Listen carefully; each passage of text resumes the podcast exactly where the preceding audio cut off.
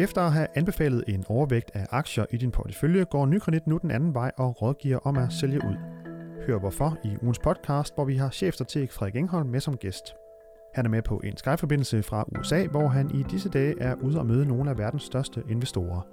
Hør hvad der optager dem lidt senere i programmet. Endelig så stiller vi ham spørgsmålet, om markedet er glad for udsigten til endnu fem år med Kinas præsident Xi Jinping. Det sker, når vi kårer ugens tweet til sidste udsendelsen. Du lytter til Nykredits podcast om formue og investering. Mit navn er Kasper Sagmann. Måske er det på tide at reducere andelen af aktier i din portefølje. Det er i hvert fald, hvad Nykredit nu anbefaler os selv har valgt at gøre. Ændringen den kom i denne uge, og vi skal i dag prøve at blive lidt øh, klogere på, hvorfor. Derfor så kan jeg nu byde velkommen til øh, dig, Frederik Engholm. Tak skal du have. Chefstrateg i Nykredit. Og øh, som lytterne måske kan høre, så øh, står vi ikke i studiet her i København, som vi plejer at gøre. Du er med på en Skype-forbindelse fra USA, hvor du er over og besøge nogle af de store institutionelle investorer, som holder til derovre. Og lidt senere så får vi en opdatering på, hvad det er, der, der optager nogle af dem øh, i forhold til blandt andet den amerikanske skattereform. Men lad os først gå tilbage til, til den her, den her ændring i, i, i anbefalinger, også i, i de porteføljer, som, som Nykredit styrer. Det, jeg har gjort, det er så at gået fra at være overvægtet i aktier til nu at have en, øh, en neutral øh, beholdning. Øh, hvad, hvorfor har I valgt at gøre det? Jamen, jeg vil starte med at sige, at, øh, at vi har været inde i en periode, og vi diskuterede det faktisk også lidt i, lidt i, i, i podcasten i sidste uge, hvor vi snakkede om, at markederne har været meget stærke. Vi har været inde i en periode, hvor, hvor amerikanske aktier har sat den ene rekord efter den anden. Øh, japanske aktier fik et stort løft fra, fra, fra valget derude, der, der gik øh, bedre end ventet, mere entydig opbakning til, til den siddende leder.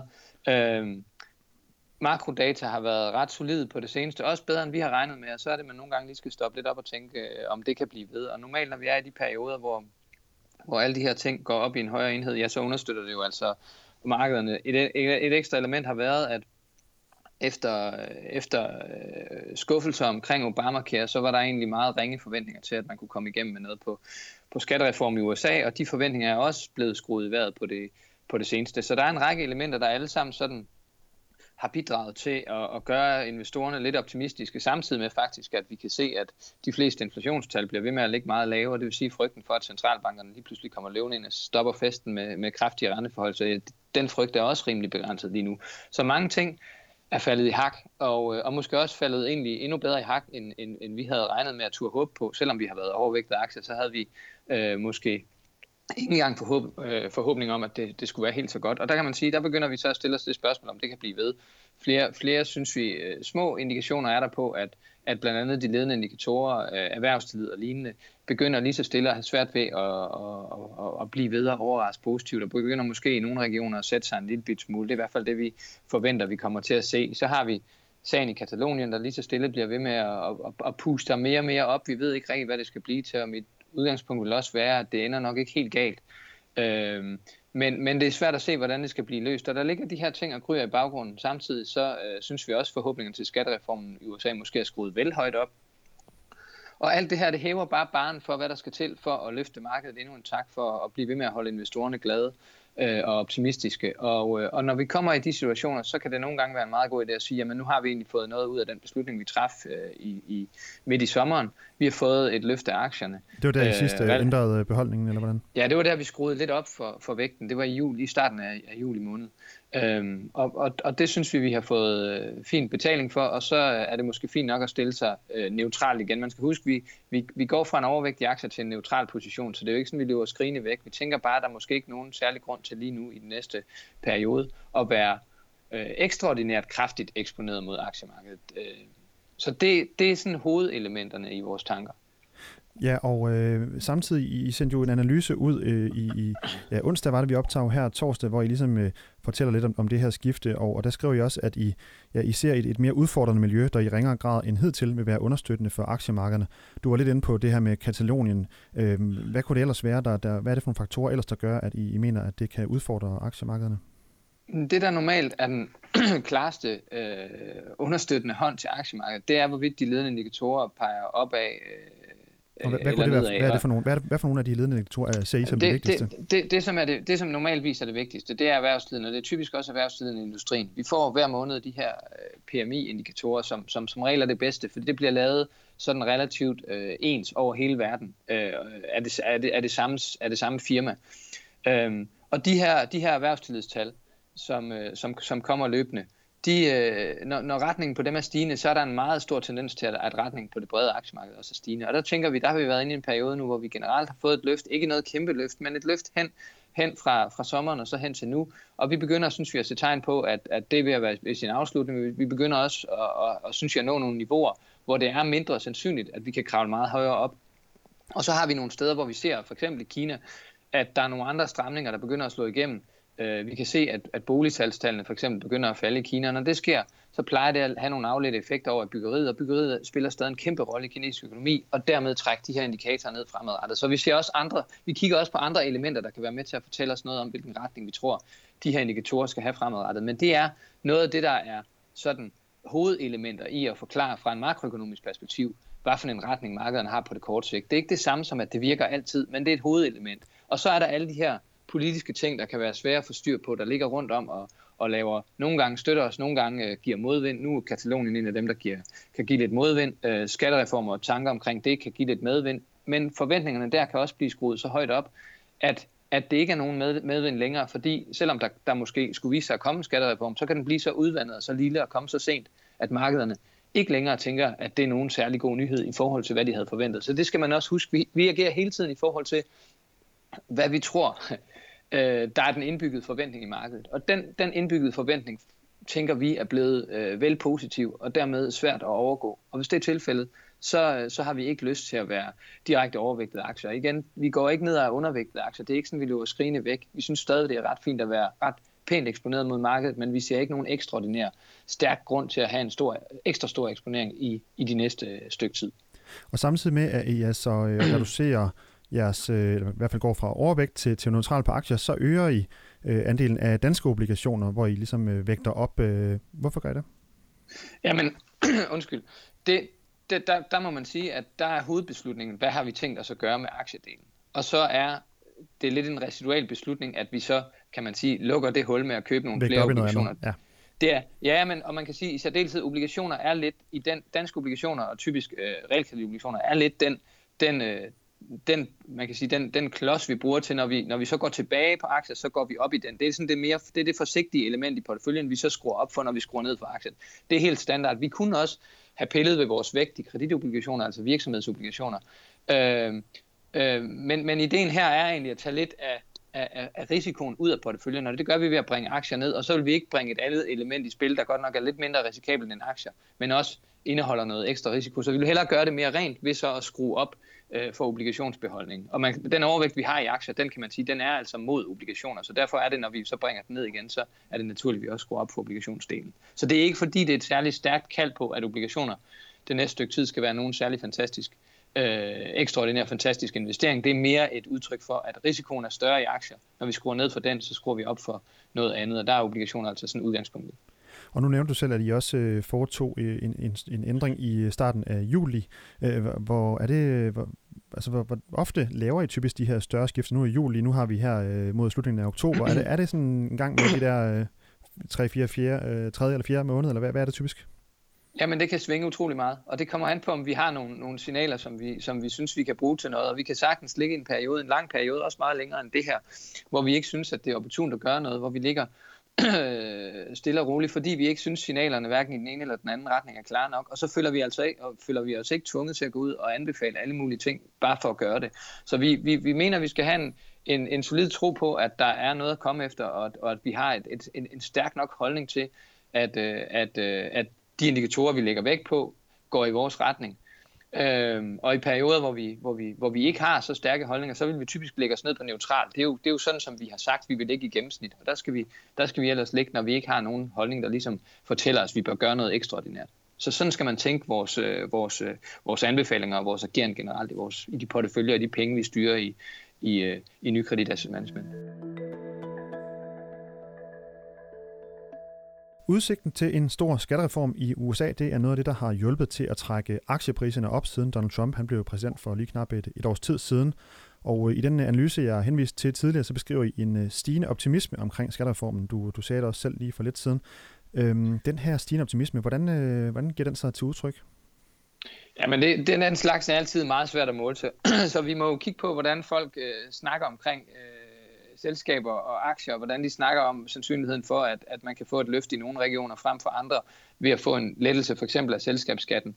Og i det hele taget også, hvordan folk agerer i forhold til at justere deres makroøkonomiske forecast. Og der tror jeg egentlig generelt, så er det ikke sådan, at, at mange økonomer har været meget aggressive med at, undskyld, med at hæve deres, øh, deres estimater, deres vækstestimater. Men, men, men vi fornemmer, at markederne, at det har fyldt, øh, fyldt mere i markederne, at de finansielle medier har, har beskrevet mere og mere de positive elementer, de positive effekter, der kunne komme i forskellige typer af selskaber, brancher eller bredt for det særligt det amerikanske aktiemarked, hvis man fik en, en uh, selskabsskattesænkning der. Så, så vi fornemmer sådan i den, uh, og, det er, og det er svært at måle direkte, sådan vil det altid være.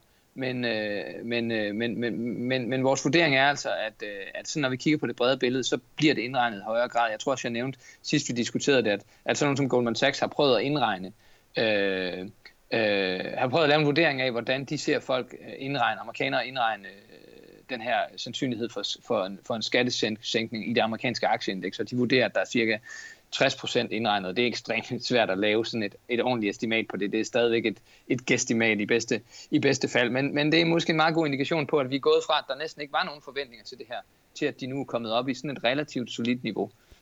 Øhm. Og du er jo, øh, Frederik, øh, du er jo som nævnt mm. i, i USA, i øh, Boston lige nu ved jeg, og du har også været i New York, og I skal videre til, til Washington her senere. Når I, når I er ude og snakke med nogle af de her store institutionelle investorer, nogle af de største i verden, hvad, hvad, hvad siger de så i forhold til, til den her skattereform, hvis vi skal tage det først? Hvad tror de, det ender med? Ja, men øh, generelt så, så tror jeg, der er, en, der, der er helt klart en forventning til, at der nok skal komme et eller andet. Men der er også, synes jeg generelt, øh, meget stor uenighed om, hvor meget der kan forventes. Og jeg vil sige, hvis jeg skal være helt ærlig, så lige nu så er rigtig meget fokus herover på, hvor elendig Trump er som politisk forhandler. For det, han har gjort på det seneste, det er jo at, at lægge sig endnu mere ud med en masse personer, som er afgørende for at få det her igennem. Øhm, det fungerer sådan, at, han jo, at, at, at der har været en, en større gruppe, en gruppe, der hedder Big Six, som er sådan afgørende repræsentanter for de forskellige enheder i det amerikanske, øh, kan man sige, politiske top. Det vil sige både nogle afgørende, helt afgørende personer i, i repræsentanternes hus, nogle afgørende personer i, i, øh, i senatet, nogle afgørende personer i nogle forskellige udvalg, der er med til normalt at udforme den her, den, de her skatteforslag, og så nogle folk fra det hvide hus. Øhm, og, og, øh, og, øh, og, og, og det er bare et godt billede på, at man har brug for rigtig mange forskellige elementer. Øhm, rigtig mange opbakning fra rigtig mange forskellige sider af det amerikanske politiske system, altså hele, hele kongressen, plus det hvide hus selvfølgelig, og også en masse interesseorganisationer. Og det Trump har gjort på det seneste, det er altså at lægge sig endnu mere ud, øh, eller igen kan man sige, øh, ud med nogle øh, afgørende personer, bliver ved med at kritisere øh, personer for, hvor elendigt de har været til at få gennemført den her, få håndteret den her Obamacare, som jo er hans nederlag på en eller anden måde, men, men, men som han bliver ved med at skyde skylden på andre for. De seneste par dage har der været nogle, nogle, nogle ret bemærkelsesværdige taler fra, fra øh, to store republikanske, eller to øh, tonangivende øh, republikanske senatsmedlemmer, der har været ude at sige, at Trump øh, dybest set sådan skåret ind til benet, at Trump misrepræsenterer det embede, han, han, øh, han, han sidder i. Han ikke er værdig til at sidde der, og, og, og de har begge to sagt, at de stiller ikke op til, til, til valg til senatet næste gang, her, her i, i, i, i efteråret 2018 fordi de simpelthen ikke synes, at de kan se sig selv som værende en del af et republikansk parti, som Trump sætter tonen for. Og det er et meget godt, det fylder rigtig meget lige nu. Det er faktisk det, der er mest på folks øh, læber, at hvordan skal han kunne få noget igennem, når han bliver ved med at og øh, komme på tværs af dem, han egentlig er afhængig af, og, øh, og blive ved med at skabe splid i det parti, han skal styre. For ideen er, og det man har lavet på det seneste, det er, at man har fået et budget igennem senatet, hvor der egentlig er gjort plads til en eller anden form for, formentlig lidt mindre end det, der, end det Trump gerne vil have, men en eller anden form for skattelettelse faktisk. Den, det, det, det skal man så arbejde videre med. Der er det her forslag for skattelettelse for den her øh, gruppe Big Six, øh, som, som stadigvæk mangler en masse detaljer omkring, hvordan det skal finansieres. Øh, og hele den her proces, den kræver jo altså en masse forhandlinger, en masse, en masse folk, der er inde og, og nikke til det, og en masse interesseorganisationer, der har øh, forskellige indgange til, til den politiske proces via forskellige republikanske og, og demokratiske politikere, der understøtter dem. Øh, men det, man har lagt op til, det er altså en løsning, hvor man ikke er afhængig for de, de demokratiske medlemmers stemmer, og derfor er det meget vigtigt, at man er ret sikker på at kunne få alle republikanernes stemmer. Og det er altså sværere, når Trump bliver ved med at blive uvenner med alle, og det er det, der har fyldt noget for mange af dem, vi har talt med på det seneste. Til sidst skal vi lige kåre uh, ugens tweet, som vi jo altid gør, og øh, det er øh, denne gang hende, der hedder Lene Winter, som er vært på programmet Kina Snak på Radio 24 som har lavet ugens tweet. Hun skriver, Xi, Xi og Adder Xi, de kinesiske statsmedier, har den samme forside. Og øh, nu er jeg lidt i tvivl, om jeg fik udtalt det fornavn rigtigt, men jeg tror, folk ved, hvad jeg mener. Øh, Kinas præsident Xi Jinping. Og det her tweet, det henviser sig til en artikel, hvor man kan se forsiderne på de førende kinesiske aviser.